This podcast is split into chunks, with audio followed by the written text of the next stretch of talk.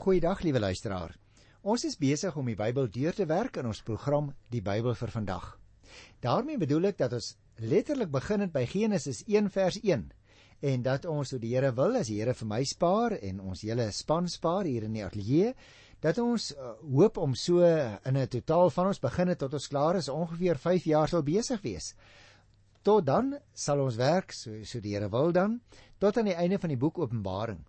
Nou ons wissel gewoonlik een of twee van die Ou Testamentiese boeke af met 'n Nuwe Testamentiese boek. Maar op die oomblik is ons dan besig met die boek Psalms. Nou die ouens wat nou miskien vir die eerste keer inskakel vandag, wil vir julle wil ek nie alleen baie hartlik welkom sê nie, maar ek wil net so een of twee inleidende opmerkingkies maak. Want liewe luisteraar, die Psalms het mos nie almal net een boodskap nie, maar eintlik praat hulle oor baie dinge. Word dit eintlik 'n spieël met baie sigkante waarin ons onsself beter leer ken en ook onsself herken hoor. Want jy sien die psalms roep om geken te word, gesing te word. En as jy nie so baie van die nuwe vertalings van die psalm altyd hou nie, lees dit partykeer so 'n bietjie 'n slaggie saam met die ou vertalings. Want die ouer vertalings uh, gebruik soms terme wat al so 'n bietjie in onbruik geraak het en is soms 'n bietjie meer 'n letterlike vertaling en daarom kry mens soms in die ouer vertaling sekere terminologie en sekere direkte maniere van sê terwyl ons in die nuwe vertalings soms 'n bietjie geneig is om ook van interpretasie gebruik te maak. Nou as ek nou sou sê daar is nie 'n alles oorheersende boodskap nie, dan uh, praat ek nou aan die een kant natuurlik ook nou nie heeltemal reg nie. Want daar is. Jy sien in die 150 psalms kom daar heelwat stemminge voor. Ek het al in die verlede daarvan gepraat as emosies. Byvoorbeeld stemminge of emosies van skuldbesef of angs of berou of spanning of hartseer of twyfel, selfs opstandigheid, wanhoop. Maar die wonderlike is tog dat die lofseggingsgedeelte in byna elke een van die psalms deurbreek. Nie in al die psalms nie, maar in baie van hulle. Dis asof die meeste van die psalms vir ons wil sê God kan altyd geloof word. Bo alles uit en deur alles heen. Met ander woorde, die vreugde en die lofprysing van God is eintlik, lyk dit vir my, die grondtoon van ons bestaan. Hoe meer ek die psalms lees, hoe meer kom ek agter die psalms bepleit sonder om dit direk te sê 'n leefstyl Met ander woorde dat jy en ek elke dag van ons lewe 'n styl van lewe sal hê waarin ons lof aan die Here bring. Paulus som dit in 'n sekere sin baie mooi op as hy in die Filippense herhaalde kere sê: "Wees bly, ek herhaal, wees altyd bly in die Here." So jy sien liewe luisteraar, dit gaan dus in die Psalmboek oor mense wat aan die woord kom en die emosies wat hulle belewe teenoor die Here verklank. Ander kere aanbid hulle net die Here. Ander kere luister hulle ook en is die lied soms eerder 'n gebed tot God. Daarom is die psalms baie wonderlike liedere of gedigte of poësie. Noem dit noem dit wat jy wil, liewe luisteraar. Maar trek elkeen van die psalms van tyd tot tyd so bietjie aan soos 'n jas. Omgekeerd kan ek dit ook sê, jy ken miskien al die beeld as jy gereeld luister. Ehm um, wanneer ek byvoorbeeld hartseer is, sommer net voel ek wil my my hart voor die Here uitkla, dan neem jy 'n klaagpsalm. En so sal jy dan baie mooi geformuleerde woorde en beelde kan gebruik omdat dit in die spesifieke psalm voorkom om ook jou hart voor die Here uit te stort. Nou goed, ek uh, wil nou nou so 'n bietjie meer indringend met jou gesels oor wat Psalm 96 waarmee ek gaan begin in die praktyk beteken. Maar ter inleiding wil ek 'n klompie opmerkings maak want uh, as jy nuut is, sal jy miskien nog nie weet nie. Ek gee vir julle 'n hele klomp inligting sodat ons nie net die Psalm lees en daaroor praat nie, maar dat ons ook so 'n bietjie kyk na die agtergrond as dit moontlik is want al die psalms se agtergrond is nie spesifiek vir ons duidelik nie. Met ander woorde die historiese konteks waarin die psalm voorkom en ontstaan het, uh weet ons nie altyd nie. Nou Psalm 96 is 'n baie interessante psalm, wonderlike psalm vir my. Die opskrif daarvan is: Die Here kom om oor die aarde te heers. Nou die tema sal jy agterkom wat in die Psalm na vore kom hier in Psalm 96 is dat dit 'n lied is wat 'n boodskap van sekerheid dra vir 'n onrustige wêreld. En daardie boodskap van die Psalm is die Here regeer. Met ander woorde, onder sy regering is daar kosmiese en juridiese orde. Hierdie Psalm tussen hakies wil ek vir jou sê is nou een wat 'n mens ook met 'n ander skrifgedeelte baie pragtig kan vergelyk, naamlik 1 Kronieke, die 16de hoofstuk, vers 23 en vers 33. Ek wil eintlik vir jou 'n bietjie huiswerk gee. Ek wil nou nie te veel tyd verloor om terug te blaai na 1 Kronieke nie want ons is lankal klaar daarmee, maar gaan lees gerus 1 Kronieke 16 vers 23 tot 33 in aansluiting en vir 'n bietjie beter verstaan van Psalm 96. Nou As jy daar rond gaan blaai, dan sal jy sien, dit was die situasie waarin koning Dawid die ark teruggebring het na Jerusalem toe. En hy het op daardie dag 'n lied gesing. 'n Loof die Here lied. En hy het dit vir die eerste keer laat sing volgens 1 Kronieke 16 vers 7. En dan met enkele klein veranderingkies kom hierdie lied net so ook weer 'n keer voor in Psalm 105 terwyl die inhoud van Psalm 96 dan wat ons vandag behandel ooreenstem met die inhoud en die woorde van 1 Kronieke 16 van die 23ste vers af. Nou as gevolg van die gegevens uit 1 Kronieke word hierdie Psalm dan verbind aan 'n geleentheid soos die waarvan ons ook kan lees in Psalm 24. Goed, kom ons lees die eerste 6 versies van Psalm 96 en dan gesels ek nog so 'n bietjie daaroor. Sing 'n nuwe lied tot eer van die Here. Sing tot eer van die Here almal op aarde. Sing tot eer van die Here. Prys sy naam, verkondig elke dag sy reddingsdade. Vertel die nasies van sy mag, al die volke van sy magtige dade. Die Here is groot, al die lof kom hom toe. Onsagwekkend is hy bo alle gode. Al die gode van die volke is niks. Dit is die Here wat die hemele gemaak het. Majesteit en luister straal van hom uit. Krag en glans vul sy heiligdom. Nou jy sien, liewe luisteraar, in die nuwe lied soos wat dit hier genoem word, wat tot eer van die Here gesing moet word, moet die naam van die Here geprys word vers 2. Oor wat moet die naam van die Here geprys word? Vers 5 sê oor sy skepingswerk. Daar word ook gepraat van sy reddingsdade in vers 2. Hy wat in die verlede alreeds werksaam was. Want as ons na daardie skepingswerk wil kyk, sê die digter in vers 3a, dan ontdek ons iets van die mag van die Here. En al die nasies moet daarvan kennis neem, volgens vers 3, sodat hulle saam kan sing. Dit beteken, liewe luisteraar, dat hulle afstand moet doen van hulle gode en dat hulle die Here moet dien dat hulle hom moet aanbid as die groot koning. Die gode bestaan tog eintlik nie. Ek het in 'n vorige psalm al met jou daaroor gepraat. Nou is dit natuurlik so luisteraar as 'n mens nou hierdie eerste 6 verse kyk dat jy dadelik sal onthou die hele gedagte van 'n nuwe lied kry mens dikwels in die Bybel in die psalms psalm 33:3 40 vers 4 98 vers 1 144 vers 9 maar mens kry dit ook in 'n profeteboek byvoorbeeld soos Jesaja 42 vers 10 en Openbaring 5 vers 9 nou daar's nog 'n hele ander klomp gedeeltes in die Bybel wat oor 'n nuwe lied praat. Maar ek wil maar net daai voorbeelde vir jou noem om te sê dis dus nie 'n nuwe gedagte nie. En daardie nuwe lied word natuurlik gesing om die naam van die Here te prys nou in Psalm 96 te prys oor sy skepingswerk en oor sy reddingsdade.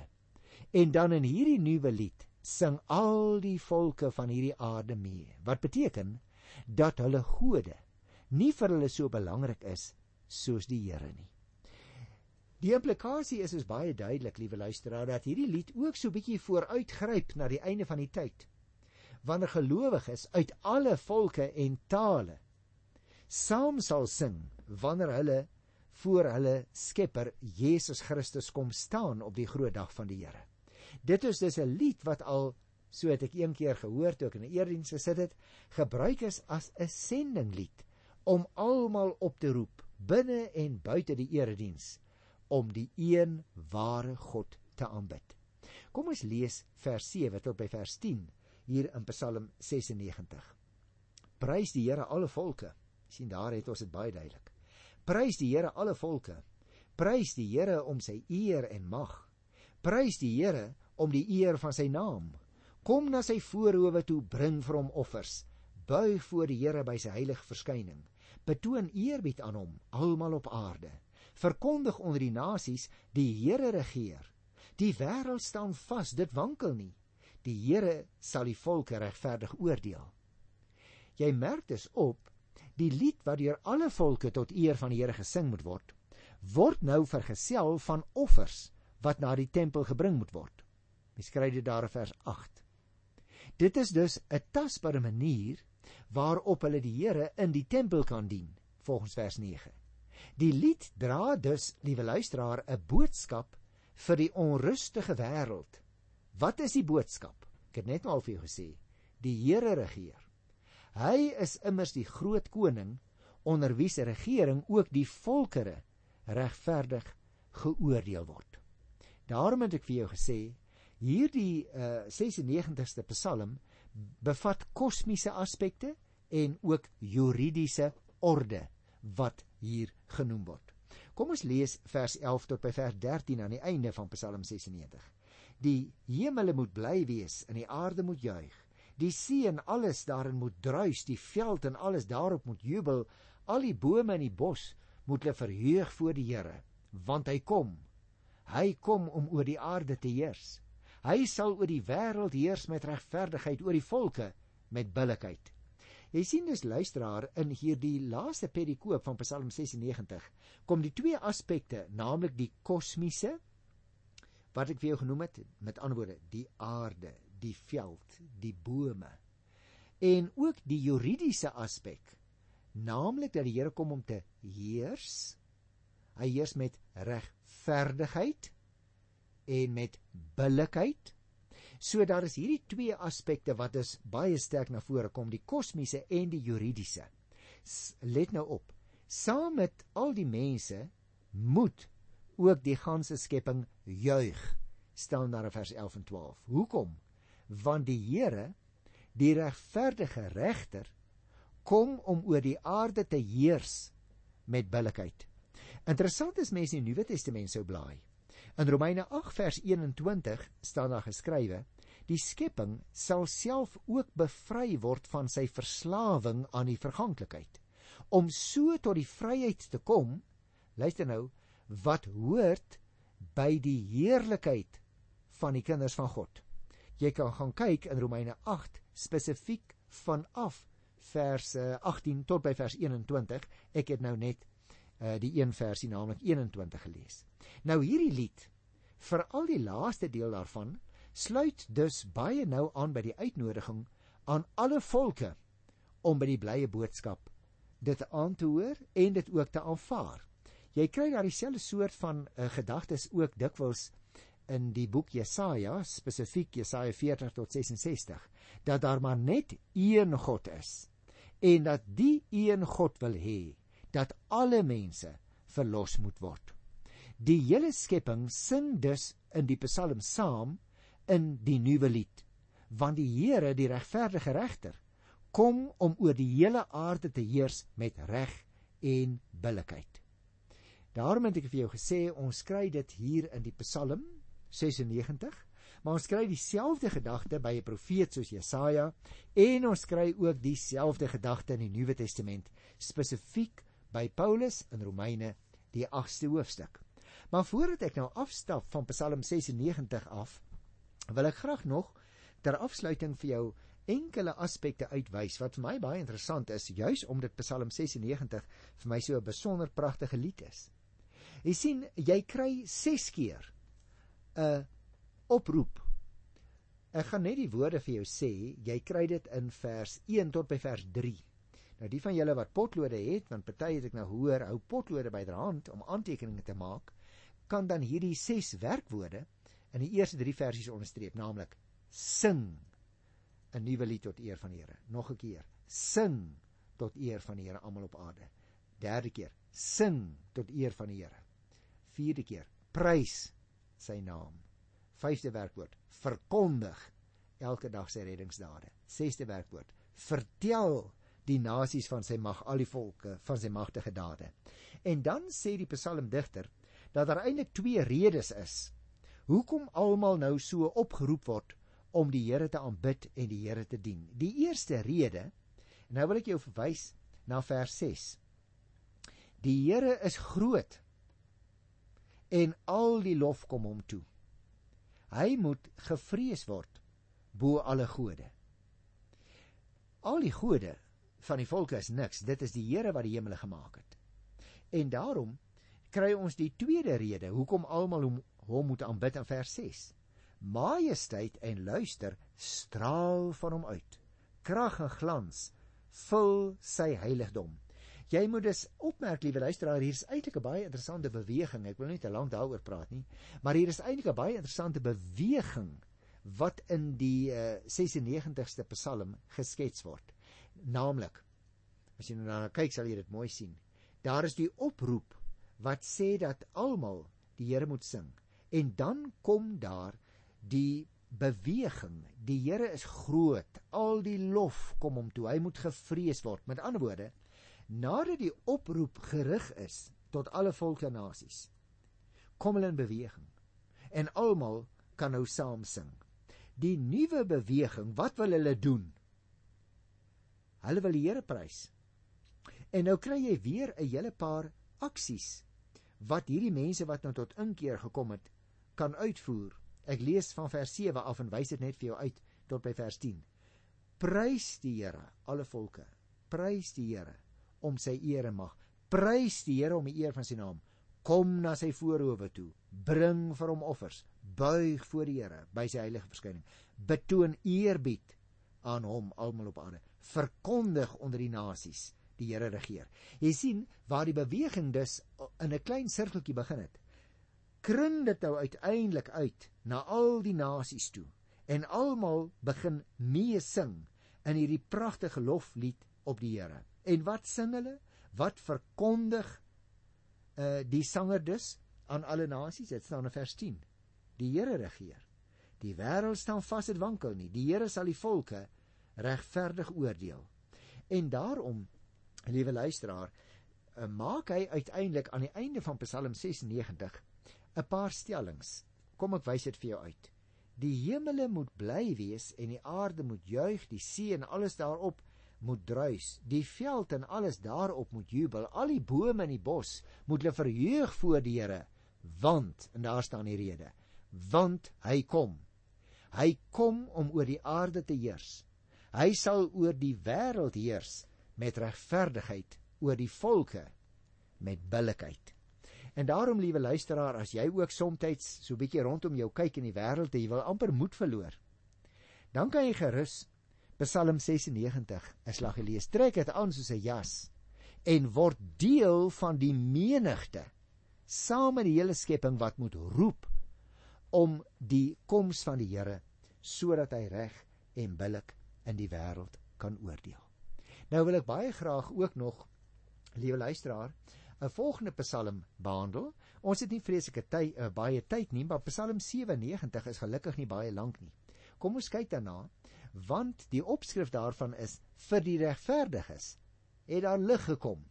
En as jy dit saam met my deurlees, gaan jy agterkom die tema wat na vore kom in Psalm 97 is eintlik die hele wêreld moet deel hê aan die vreugde wat dit meebring dat die Here koning is.